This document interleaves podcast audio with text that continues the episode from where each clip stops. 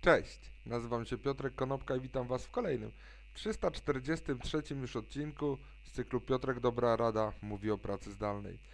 Tym razem we współpracy z platformą Links Remote. Dzisiaj poruszę temat pracy zdalnej, ale z wykorzystaniem multiversum i tworzenia się nowych biznesów związanych właśnie z tym segmentem rynku.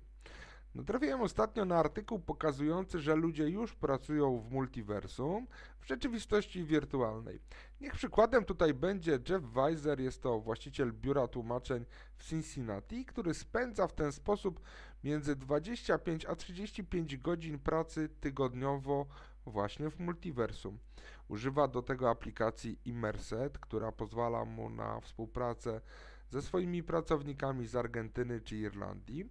Dodatkowo używają Oculusa, więc ich otoczenie, które widzą i słyszą, może być dowolnie kształtowane i nieważne, czy będzie to kawiarenka w Paryżu, czy plaża nad morzem. Aplikacja ta pozwala im na synchronizowanie e, tego, co widzą z ekranami komputerów i telefonów, z których korzystają.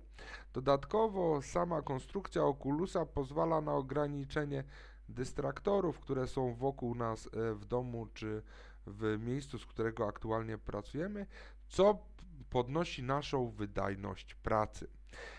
I powoli zmierzamy do takiego punktu, gdzie granice naszej tożsamości, pracy i życia prywatnego mogą ulec zatarciu, a przynajmniej dla niektórych z nas. Pojawiły się już bowiem wirtualne ubrania w cenie między 30 a 700 dolarów za sztukę, czy to spodni, czy to jakiejś koszuli, które pozwalają wyróżnić się awatarom osób, które je kupiły.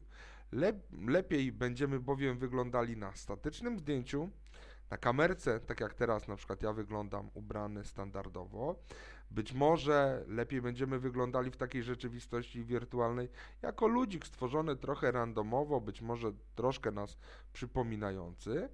Czy może lepiej będziemy wyglądali jako postać, którą sami sobie stworzymy, sami sobie ubierzemy i być może ta postać będzie miała taki wirtualny strój mocy, jak na załączonym obrazku gdzieś w okolicy.